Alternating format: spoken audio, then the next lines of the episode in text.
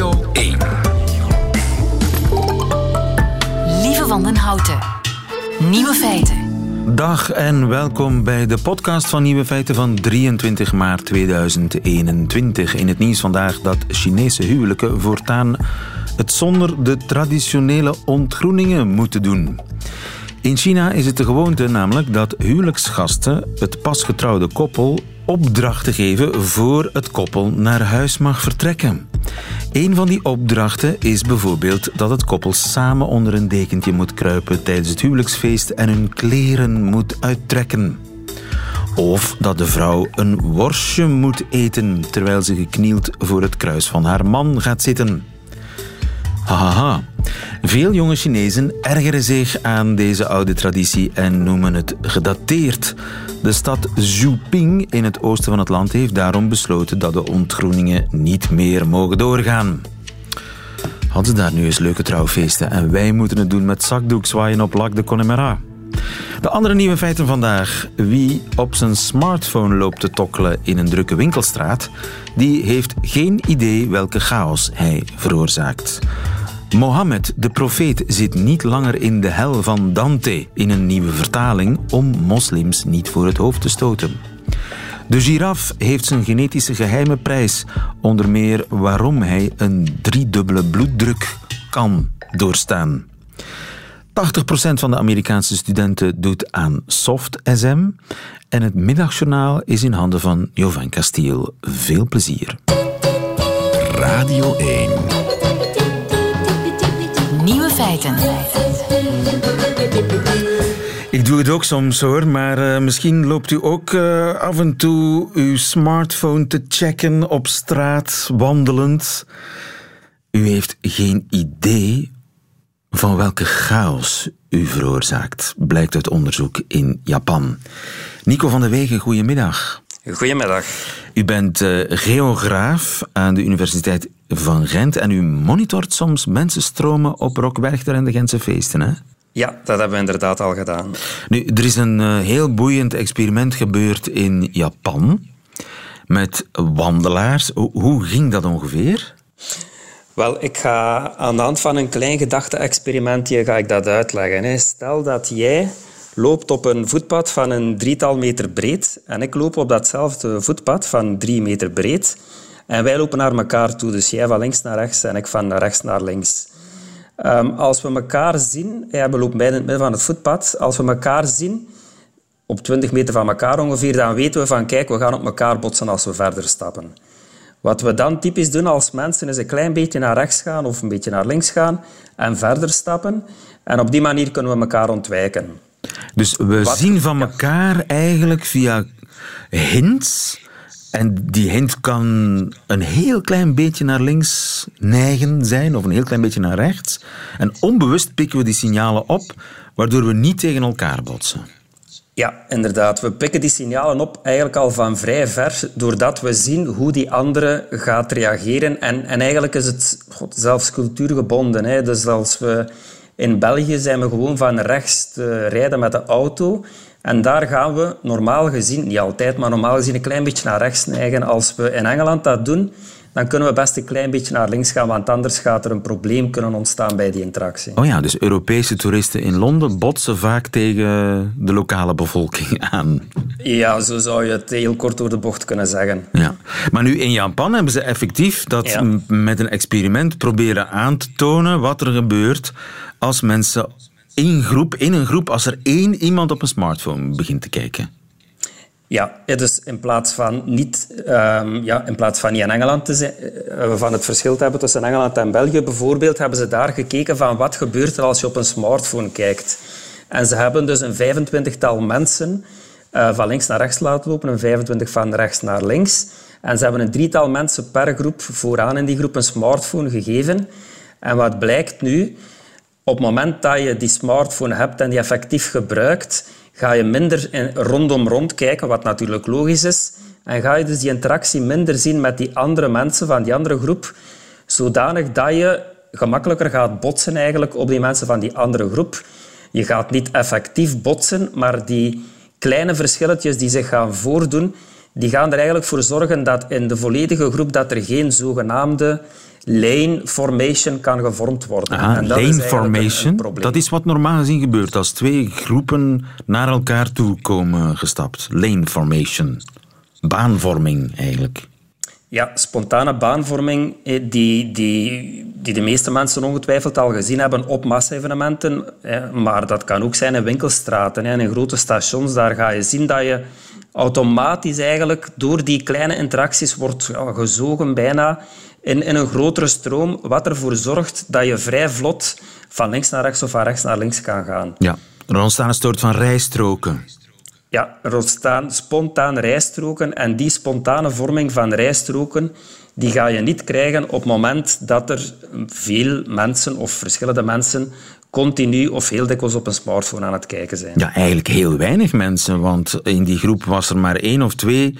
Iemand, eh, t- één of twee waren er aangeduid om een smartphone in de hand te hebben en daardoor eh, ontstond er een totale chaos. Ja, juist. En het hangt eigenlijk ook af. Dus hoe meer mensen, hoe- hoe, meer, hoe grotere kans dat er chaos ontstaat. Maar het hangt er ook vanaf waar je je in de groep bevindt. Dus ehm, als je achteraan in die groep zit, oké, dan gaat het voor niet veel chaos zorgen. Maar als je vooraan zit in die groep, dan zorgt het wel voor veel chaos voor de mensen daarachter. Eh, ja, je kan het eigenlijk een beetje vergelijken met een massasprint. Hè. Als daar een, een val gebeurt vooraan, zorgt dat voor een volledige desoriëntatie. Is dat achteraan, dan gaat dat minder eh, voor het volledige peloton een probleem Ja, zijn. want mensen moeten dan plots een uitwijkmanoeuvre maken en plots bewegingen naar links en rechts Ze doorbreken die spontane rijstrookvorming. Ja, ja inderdaad.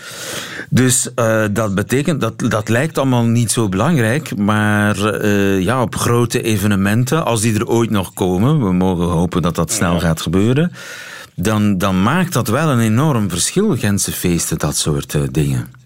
Ja, wel, het maakt een verschil natuurlijk. Het gebruik van een smartphone in de auto en het gevaar dat daarbij hoort, dat is natuurlijk niet te vergelijken met wat er hier gebeurt. Maar, maar dit gaat vooral een verschil kunnen maken naar de vlotheid van doorstroming. Hè. Dus ehm, op het moment dat mensen smartphones gebruiken en minder aandachtig zijn, laten we zeggen, in dat wandelverkeer, kan dat ervoor zorgen dat er minder doorstroom is. Dus dat men minder vlot kan wandelen, wat als gevolg kan hebben dat je je minder comfortabel gaat voelen, dat er eventueel meer problemen kunnen zijn tussen mensen. En in een rampscenario, wat natuurlijk weinig gebeurt, maar het kan, dat er echt ja, zware problemen zich gaan voordoen, hè, doordat er ja, te veel gedrum gaat zijn in een grote massa. Ja. Dus moeten we dat nu gaan ver... ja, verbieden is natuurlijk een heel zwaar woord, maar mensen moeten toch twee keer nadenken voor ze, zeker in, eh, op, tussen veel volk, op hun smartphone gaan zitten kijken. Wel, ik zou het zeker niet verbieden. Ik denk eh, als we het verbieden dat het beter is om het in de auto te verbieden. Hè, maar op, eh, bij mensen die aan het wandelen zijn, ja, ik zou zeggen, denk even twee keer na. Ehm, als je in een massa rondloopt, om niet continu op je smartphone te gaan, te gaan kijken, maar kijk rond u, zodanig dat je niet botst op de andere mensen en dat je zorgt dat er een, een vlotte doorstroming is. Ja. Dus dat is wel een goede raad misschien. Het lijkt volkomen onschuldig, maar je weet niet welke chaos je veroorzaakt met je smartphone in de hand. Dankjewel, Nico van de Wegen. Ja, graag gedaan. Dag. Nieuwe feiten. De profeet Mohammed die zit niet langer in de hel. Dat bleek zaterdag in Interne Keuken op Radio 1 bij Koen en Sven. Hoe zit het? Er is een nieuwe Nederlandse vertaling van De Hel. Het eh, eerste deel is dat van de goddelijke komedie eh, van Dante Alighieri. Dat is een van de fundamenten van de Europese cultuurgeschiedenis, zeven eeuwen geleden geschreven. Nog altijd een feest van verbeelding en poëzie. Maar Dante is natuurlijk een, eh, een katholiek uit de 13e eeuw. En voor hem zit Mohammed en terecht in de hel. Voor de uitgever was dat een groot probleem. En vertaler Lies Lavrijsen, te gast in Interne Keuken, die vond kennelijk een oplossing. We hebben eigenlijk de naam Mohammed eruit gehaald. We hebben die zondaar nog wel laten voorkomen, maar we hebben uh, zijn naam gewoon onvermeld gelaten. Is omdat de bedoeling van de uitgeverij met dit boek is om uh, de hel uh, toegankelijk te maken voor een zo breed mogelijk publiek. En ook een jong publiek. En toen was onze redenering van ja, we weten dat als we gewoon dit op deze manier um, erin laten staan, dan stoten wij een heel grote groep lezers eigenlijk onnodig voor het hoofd. Want onze blik op Mohammed is ondertussen zodanig veranderd dat het uh, ja, niet meer overeenkomt met de boodschap die we eigenlijk met dit boek ook willen overbrengen. Ja, Lies Lavrijsen zaterdag in uh, Interne Keuken bij Koen en Sven. Uh, in de nieuwe vertaling van Dante's Hel is Mohammed, die in de hel zit, geanonimiseerd. En daarover schreven een paar kranten vanmorgen. En uh, Tom Lanois, goedemiddag. Ja, beste lieve. Wat, ik, ik schrok eigenlijk van die uitleg, van die anonimisering bij, ja. bij Dante. Schrok jij daar ook van? Ja, ik moest steeds al lachen net met het citaat. Ik heb grote bewondering voor vertalers, hè. laat dat duidelijk zijn. Maar als iemand zegt, we willen de hel toegankelijk maken voor iedereen, en je gooit er ja, direct al mooi, iemand uit. Dus dat vind ik al bizar. Ik ben dan tweede gerustgesteld. Voor, ik dacht dat dit een officiële, volledige vertaling was. Dus we moeten wel weten waar we over discussiëren. Dat zal allemaal niet helpen. Dit wordt het nieuwste slagveld van de, de cultuuroorlog. Dus er zullen nu al tweets zijn waarin andermaal de hele cultuurgeschiedenis in Europa zelf bij de vuilnisbelt staat. Ja, maar het is, toch wel degelijk een vertaling. Het, het, is geen bewerking, het, het is, een vertaling. Het is een bewerking. Nee, nee, nee, het is een bewerking. Als ik lees, er is gesnoeid in al te lange, saaie passages of minder relevante opsommingen, denk ik aan Liberace. Liberace die Rachmaninov speelde by leaving the dull parts out. Ja? ja. En als je dan vervolgens zegt, we gaan alleen de hel vertalen en niet de hele uh, ik, het is een schoolproject. Ik, ik, heb, ik heb nu gekeken, ik ken de uitgeverij niet. Het is een degelijke uitgeverij die mooie boeken uitbrengt enzovoort. Maar daarom is het nog niet valabel om het op deze... Ik zou het niet doen. Ik zou het niet doen. Je zou het niet doen. Je zou het zelf niet doen. Ik zou wel gewoon Mohammed laten. Want, maar wat ik dan uit het stuk... Want we moeten natuurlijk voorzichtig zijn. Ik kan hier alleen het stuk lezen uit de krant, uit de standaard. Maar dus er wordt zelf vermeld... Dante dacht ten onrechte, ik citeer nu, dat Mohammed een afvallige christelijke priester was en hield hem mee verantwoordelijkheid voor de religieuze verdeeldheid in de wereld. Lees, denk ik dan, de christelijke wereld. Dus ja, denk je, maar er zijn dan inderdaad bij andere punten blijkbaar wel uh, uh, voetnoten. Maar de hele vraag is dat je op deze manier een zo groot kunstwerk moet al uh, toegankelijk maken voor jongeren. Maak je het dan wel toegankelijk voor jongeren of vermink je het? En ik heb eigenlijk dus met het project, als dat het project is, nou ja, moeite. Ik zie niet in waarom dat je dan niet... Uh, het is godzijdank dus niet de officiële grote academische, wordt dat dan onmiddellijk genoemd. Maar een academische vertaling bestaat niet. Het is een goede vertaling of geen goede vertaling. En dit is een project om mensen dit te maken, ik vind op een verkeerde manier dan, ja. wat uh, de goddelijke comedie inhoudt. Maar goed, je kunt een onderscheid maken tussen aan de ene kant de saaie stukken een beetje inkorten en aan de andere kant, ja, wat voor sommigen eventueel beledigend zou kunnen overkomen. Ja, maar wat nu ongelooflijk dan... is, niemand vraagt dit. Niemand vraagt dit. Dus ik denk dat je ook een grote hoop mensen voor het hoofd stoot die bijvoorbeeld wel moslim zijn en die daar absoluut wel tegen kunnen. Waarom wordt op die vinden? Ja, en terecht. En terecht. Zeg gewoon weg wat klopt. Die Dante was behalve een homofoob, want de homoseksuelen zitten dan samen met de paus. Het onderscheid is niet altijd duidelijk. Wel in de hel. En dan die, dus je kan ook zeggen van dit is toch belachelijk. Waarom zou, als ik denk aan Abu Talib, als ik denk aan Marcouch, twee burgemeesters in, uh, in Nederland, als ik denk aan onze Mo Ridouani, zouden deze mensen op voorhand vragen om dit te doen en achteraf denken van ja, godzijdank hebben ze dit gedaan. Met de nadruk op godzijdank. Ja. Ik denk ja, dat het, het zit, zoals uh, collega Koen ook, ook, zei, het zit vol met in onze ogen middeleeuwse onzin. Ja, dus, dus ja. als je dat niet wil doen, ja, doe het dan niet. Uh, dat, dus ik vind dit een beetje denken aan het vijgenblad dat, dat ooit nog over uh, naakten is, is gehangen. Ja, ja en het, het, het, wordt ongetwijfeld weer een discussie. Weet je, dit, het is opnieuw de mijter van Sinterklaas, hè, waarbij dat, de, de, het kruis op de mijter van Sinterklaas zou verdwenen zijn. Ik ben geboren in Sint-Niklaas, de stad. Dus ik heb recht van spreken. Ga naar kijken naar het al oude wapenschild. Dat is geen kruis op de mijter. Want de mijter komt eigenlijk uit een andere goziet. En eigenlijk zijn dat toch ongelooflijk flauwe discussies. En is het doodjammer dat we... Ik heb dus de vertaling zelf niet kunnen eh, beschouwen. Misschien is het een goede introductie, maar ik heb hier wel moeite mee. Zoals ik ook met de sensitivity readers uh, die eraan komen, uh, zogenaamd uit Amerika, hè, dus waarbij auteurs verwittigd worden en uitgevers al zeker. Dit zou wel eens mensen voor de, voor de, de kloten kunnen trappen, dus laten, dat halen we dan uit een tekst. Um, ik ben daar, ja, ik begrijp dat zelfs eigenlijk niet. Uh, maar Zou jij je daar ooit door geremd voelen? Um, ik, eh, ik denk het niet, maar je weet... Kijk, ik weet wel uh, Christopher Marlowe, de voorganger van Shakespeare, van wie ik Edward II heb vertaald. Die heeft een stuk Tamberlane the Great, hè, over de grote Timur Lenk. Dat is de Mongoolse Alexander de Grote, laten we zeggen. Nou, in dat stuk wordt een uh, Koran op het podium verbrand. Ja? Dat betekent iets helemaal anders dan twintig jaar geleden. Als je als regisseur dat stuk wil anseneren, ongelooflijk interessant stuk, hè? zeker in deze tijden. Maar dan moet je natuurlijk weten dat door de context, dat is veel ingrijpender dan deze Mohammed, uh, al dan niet. Uh, dus er zijn zaken waarbij je niet kunt ontsnappen aan een politieke context, aan grote discussies. We hebben die aanslagen gehad. Maar dit, als ik dan lees, ik moet me baseren op het stuk in de standaard. Hè. Mohammed is niet helemaal weg. Ik schrapte drie regels waarin hij spreekt met Dante en daarbij ook zegt wie hij is en dat is alles. Ik, ik wil het nog eens eventueel gaan bekijken, maar ik snap dat niet. En het erge is dat het nu alleen over dit zal gaan, terwijl het hele opzet, daar moeten we over discussiëren. Wie vertaalt er nu de goddelijke komedie alleen het eerste deel en ingekoord?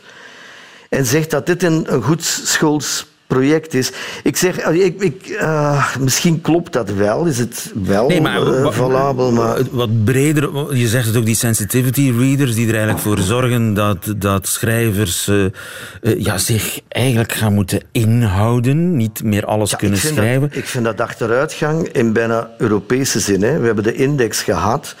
We hebben bijvoorbeeld de, de, de grote uitgeefster Angèle Manteau, heeft Caput van Curzio Malaparte uitgegeven met een ongelooflijk belangrijke coupure waar een soort van antiek homohuwelijk met rituelen en alles avant la lettre eruit was geknipt.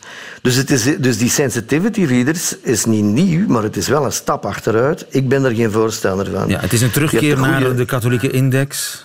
Ja, naar allerlei indexen. Die was niet alleen... Uh, bepaald moment heeft uh, onze vriend Hendrik Conscience om toch ook wel uh, in, in, in Flamiganti zijn wel katholieke kringen toegankelijker te zijn, ook als de teksten zitten sleutelen.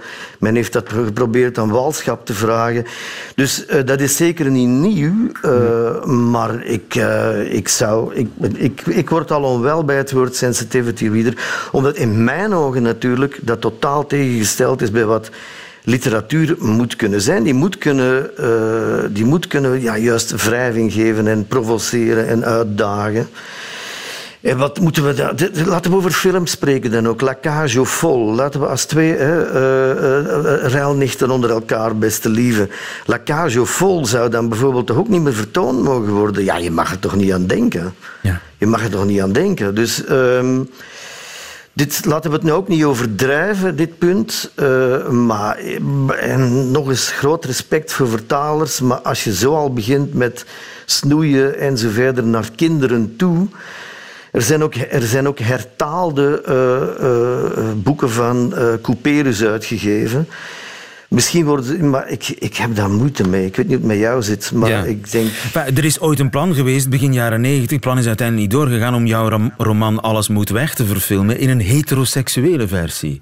Ja. Dat, dat ook, ook om het toegankelijker te maken voor een breed publiek? Nee, nee, nee. Om, om subsidie te kunnen krijgen van de toenmalige uh, gewestelijke investeringsmaatschappij voor Vlaanderen. Als het over de Jeannetterij betreft zijn we allemaal enorm opgeschoven. En dat, uh, dat heeft ook natuurlijk een onderdeel van, van de cultuurstrijd, van de, allee, de nieuwe cultuuroorlog is het eigenlijk. Het is nu dienstig. Ik heb Tom van Grieken horen zeggen op de televisie uh, homorechten zijn verworven rechten. Nou, we hebben ze wel moeten verwerven tegen hem en zijn partijen. Hè? De beide. Maar dus, het dus is, dat, is, dat is allemaal... Van dat, alle dat tijden. blijven.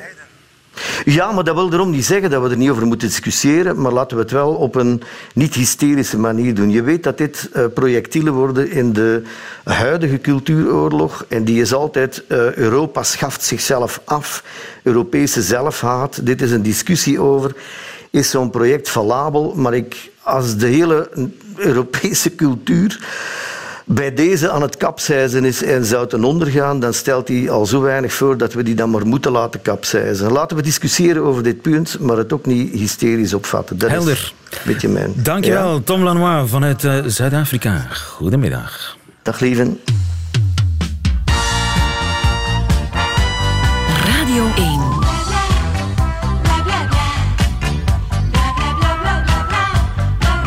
Nieuwe feiten. Een giraf zijn bloeddruk die is bijna drie keer zo hoog als die van een mens. En toch hebben die giraffen nergens last van. Het is maar een van de vele geheimen van de giraf die nu ontsluierd zijn, want zijn genoom is nagenoeg volledig in kaart gebracht. Dominique Adriaans, goedemiddag. Goedemiddag, Je lieve. bent eh, evolutionair bioloog aan de Universiteit van Gent. Ja, Eh, eh, zit er een kabeltje in de weg? Ik hoor allerlei schurende geluiden, maar misschien ligt het aan iets anders. In ieder geval, eh, de giraf eh, is een raar dier en daarom is dat genoom wellicht eh, heel interessant. Die hoge bloeddruk bijvoorbeeld. Heeft een giraf een gen dat hem beschermt tegen hoge bloeddruk? Wel, men heeft het nog niet volledig in kaart gebracht hoe dat de bloeddruk wordt geregeld, maar men heeft nu wel gezien, men heeft dus inderdaad dat genoom helemaal bekeken, ongeveer 97% in kaart gebracht. En dat vergeleken met zijn nauwste verwant, die niet zo'n lange nek heeft, dat is dan de okapi. En dat ook nog eens vergeleken met een vijftigtal andere zoogdiersoorten in dat genoom. En men heeft gezien dat die giraf over een zeer groot aantal um, unieke varianten van genen beschikt die niet terug te vinden zijn bij die andere zoodieren en ook niet bij die okapi. En dus zo gaat men dan gaan denken van ah, misschien zitten daar wel genen in die specifiek kunnen verklaren van waarom is die nek zo lang geworden, hoe kunnen zij omgaan met die grote bloeddruk enzovoort en zo verder. En men heeft dus zo één gen nu gezien dat heel veel mutaties uh, vertoonde. Um, en men kon daar niet direct mee verklaren van, ja, men weet ongeveer wat dat gen algemeen doet. Maar um, dat is niet dat zo direct de verklaring heeft van, ja, als je dat gen in die vorm hebt, dan heb je een, geen probleem meer met een, een grote bloeddruk. Ja. Maar men heeft dat eigenlijk op een interessante manier aangepakt door dat te gaan testen um, door die girafmutanten te gaan toepassen bij muizen. En Aha. daar heeft men gezien, als men dan de bloeddruk verhoogde bij die muizen, die die girafmutanten hadden, dat die daar eigenlijk geen probleem mee hadden met die hoge bloeddruk. Ah. En zo heeft dat dan een beetje inzicht van hoe komt het dat die giraffen tegen die hoge bloeddruk kunnen. Dus uh, giraffen hebben een gen dat hen beschermt tegen hoge bloeddruk. En als je ja. dat in muizen aanbrengt, dat gen, of CRISPR plakt, of hoe heet dat tegenwoordig, ja. kan dat allemaal vrij, vrij makkelijk. Dan kunnen die muizen ook goed tegen een enorme bloeddruk. Ja, en het interessante was, als men dat um, heel kort nadat men, dat die muizen geboren waren, dan hebben ze nog een lichtje, dus men geeft ze dan, heeft ze een stof gegeven, waardoor dat de bloeddruk omhoog gaat. Men heeft dan gezien, kort na de geboorte, van oké, ze hebben een lichtjes hogere bloeddruk, maar ze vertonen daar eigenlijk geen tekenen van dat ze daar probleem mee hebben. Maar als men dan een, een, paar weken daarna terug gaat kijken bij die muizen, dan ziet men zelfs dat ze geen hoge bloeddruk niet meer hebben.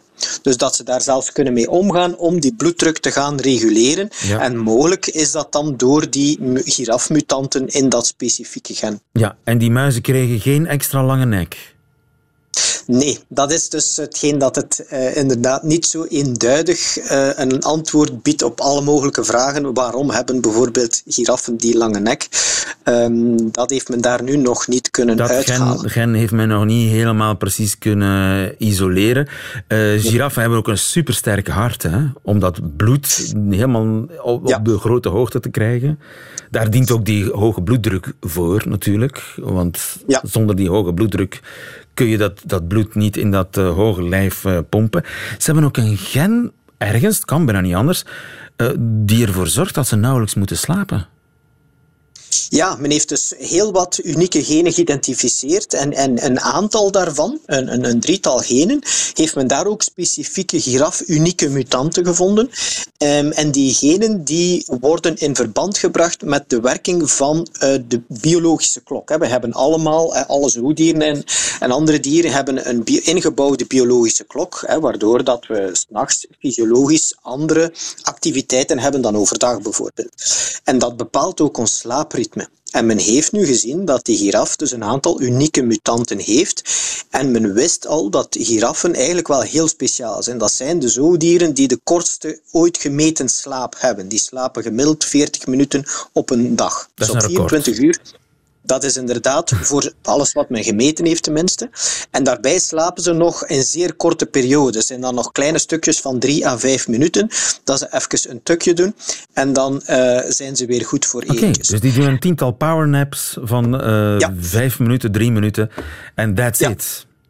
That's it. Rechtop staan natuurlijk. Want ja, als je gaat liggen... eh het duurt al drie minuten, denk ik, Wel- voor je, weer, voor je weer kunt opstaan als giraf. Wel, dat is een beetje de, de redenering die erachter, of de verklaring die erachter zit van waarom hebben die zo'n extreem slaappatroon in korte periodes. En dat is, als die effectief gaan neerliggen, ehm, dan zijn ze zeer kwetsbaar en het duurt eventjes voordat ze recht zijn. Dus als ze te lang zouden neerliggen, dan maken ze zichzelf zeer kwetsbaar voor predatoren en zo. En dat zou de selectieve druk kunnen zijn geweest, die dan dat voor, als die mutanten waren opgetreden, dat die het voordeel hadden dat ze met minder slaap en korte slaapperiodes ehm, de dag door Ja. konden. En misschien kunnen we dat gen ook wel stelen, maar dat is natuurlijk eh, verre toekomstmuziek. In ieder geval... Dat zou handig zijn. Dat, zou superhandig zijn. Maar het, het gen dat hen beschermt tegen te hoge bloeddruk, dat is in elk geval bij muizen toepasbaar.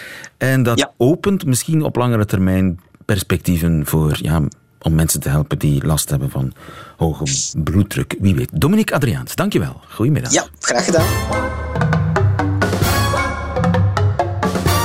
Lieven van den Houten.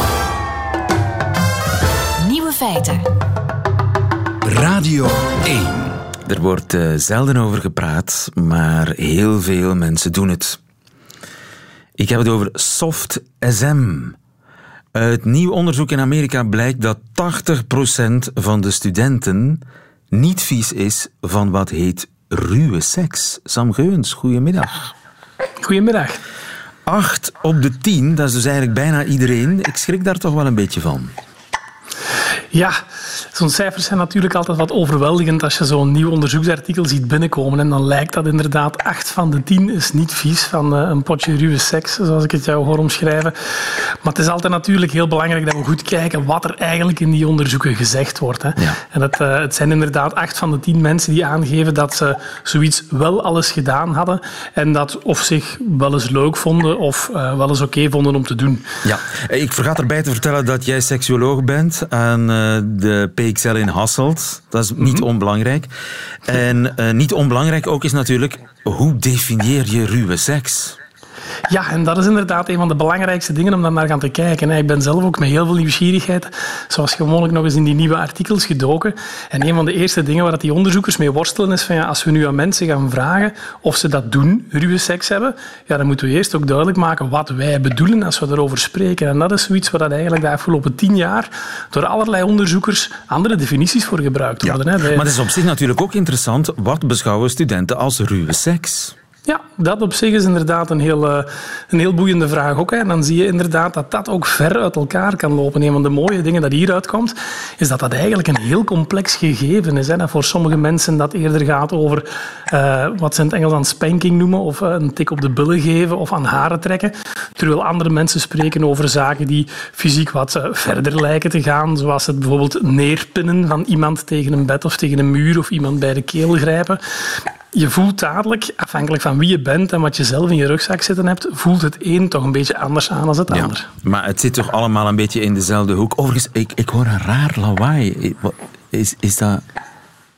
Ik Wat vrees dan? dat mijn dochter op de achtergrond de hik heeft. Oh, Oké, goed. Nee, maar nu we dat weten... gerust zijn. Ja, nee, nu ben ik gerust. Dus... eh, en hoe oud is je dochter? Eh, die zit ongeveer op de vijf maanden nu. Ach, en die moet dat allemaal aanhoren. Ja, die was dat gewend vanaf jongs af aan. Dus waar waren we gebleven? Dus eh, het zit allemaal wel in dezelfde sfeer. Vastgebonden worden, spanken, aan de haren trekken, wurgseks. Eh, de helft van de studenten zegt dat ze dat soms tot vaak doen. Ja. En op zich is het niet zo gek als we hier naar gaan kijken. Als je dat een beetje breder ziet, is dat een van de manieren waarop mensen seksueel gaan experimenteren en gaan zoeken van wat vind ik nu net leuk in bed. En het is niet gek dat die studententijd, zo die leeftijd van tussen, laten we zeggen, de 17 en de 2, 23 jaar, dat dat de periode is waarop dat jonge mensen natuurlijk heel seksueel actief worden en ook heel hard op zoek gaan naar wat doet het voor mij in de slaapkamer of daarbuiten. Dus dat die experimenteercijfers zo hoog liggen in die categorie is niet gek. En dat zien we eigenlijk voor al ander experimenteergedrag op seksueel gebied ook. Ah ja, dus je denkt dat dat later wel zal kalmeren? Dat ruige gedoe. Ik ben daar eigenlijk van overtuigd. Hè. Wat, dat, wat dat je hebt is, hè, we hebben het er juist over die definiëring. En dan hoor je ruwe seks, dat is een hele range van acties die mensen hè, kunnen integreren in een vrijpartij. En wat de meeste mensen ontdekken dan, in, in, laten we maar zeggen, jeugdige studententijd met het experimenteren, is van welke van die dingen vind ik leuk en welke van die dingen doen het eigenlijk voor mij niet. Ja. En sommige daarvan die overleven het en die worden duurzaam een deel van hun seksualiteitsbeleving. Als dat ook blijft matchen met de partner natuurlijk. Ja, en uh, het, aantal mensen dat dat leuk vindt en, uh, en dat in het seksmenu houdt, zeg maar, dat zal lager liggen dan die 80%, maar toch nog vrij hoog. Goh, dat zal lager liggen dan die 80 procent. Uh, maar nu om te zeggen, bij wie gaat dat deel uitmaken van... Uh, ik spreek vaak over uh, de standaard vrijpartij. Ik zeg dikwijls tegen studenten of tegen patiënten van ja, de meeste koppels die hebben een standaard manier van vrij. De meeste vrijpartijen verlopen op ongeveer dezelfde manier. Ik denk dat het aantal koppels waarvoor dat dit soort van dingen deel uitmaken van de standaard vrijpartij, dat dat toch gevoelig veel lager dan die 80 procent ja, Het is niet iets wat, wat u vaak hoort besproken worden in uh, uw praktijk. Nu, wat is daar zo lekker aan? Dat doet toch pijn allemaal? Dat slaan en vastbinden en wurgen en aan de haren trekken?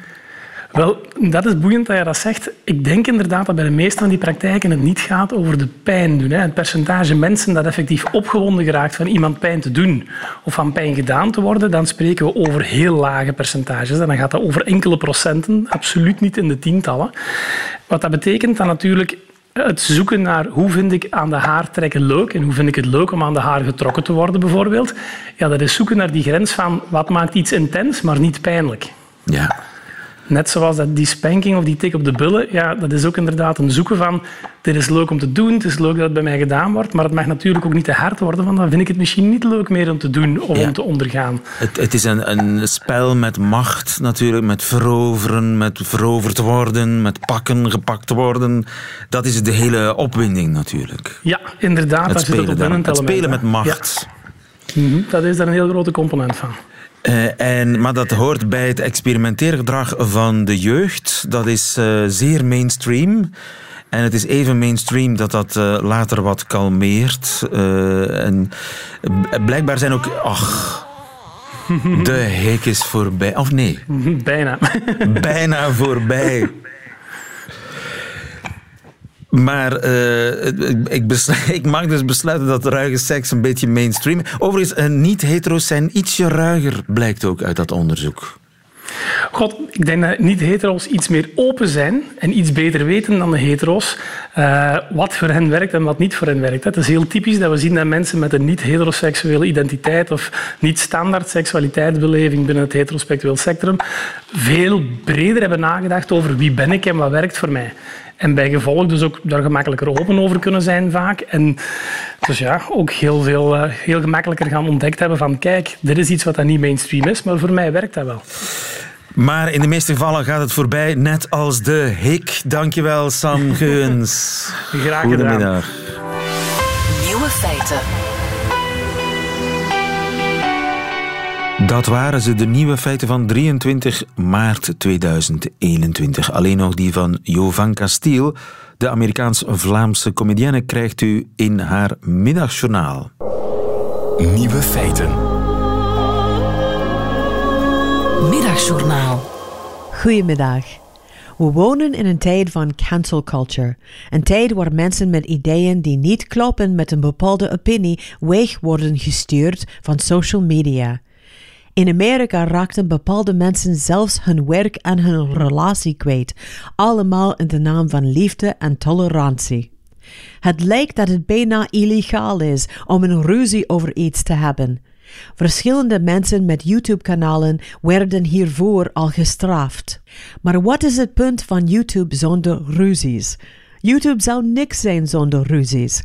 Ik heb de Derde Wereldoorlog bijna zien beginnen in de commentaarsectie onder een aardappelkweekfilmpje. Je moet de aardappelen in volle zon kweken. Nee, aardappelen groeien het best in het koud en vochtig weer. Ik zou jouw vochtige aardappelen kapot maken. Mijn lievelings-YouTube-ruzie ooit gebeurde onder een filmpje van een vrouw die denkt dat zij de reïncarnatie van Marilyn Monroe is. Eén persoon postte het commentaar eronder dat deze video totaal verkeerd was, omdat zij en niet de vrouw in het filmpje de echte reïncarnatie van Marilyn Monroe was. En daarna werd zij aangevallen door drie andere mensen die zeiden dat zij de echte Marilyn waren. Daarna had iedereen ruzie met iedereen en plots verdween het filmpje van YouTube, waarschijnlijk door alle doodsbedreigingen van alle Marilyns. Ik geef het toe. Reïncarnaties van Marilyn Monroe die elkaar proberen te vermoorden is niet lief, maar mogen ze niet een beetje ruzie maken met elkaar, meneer YouTube? Want voor mij en ook voor veel andere mensen was dit puur entertainment. Als iedereen met alles akkoord moet gaan, hoe lang voor wij allemaal dezelfde kleren moeten dragen, naar dezelfde muziek moeten luisteren en dezelfde hobby's moeten hebben? En nee, ik wil geen skinny jeans dragen, naar Cardi B luisteren of onnozele dance challenges doen op TikTok, dankjewel. Een stuk van onze menselijkheid, van onze creativiteit, moet de mogelijkheid zijn om andere opinies te hebben. Om te kunnen zeggen: nee meneer, sorry, ik ga niet akkoord. Aardappelen moeten binnenshuis worden gekweekt. Zonder dat je wordt gearresteerd. Echte artiesten hebben het belang van andere opinies altijd begrepen. Vraag het maar aan Leonardo da Vinci of Richard Pryor of aan een van de veertien reïncarnaties van Marilyn Monroe. Tot morgen.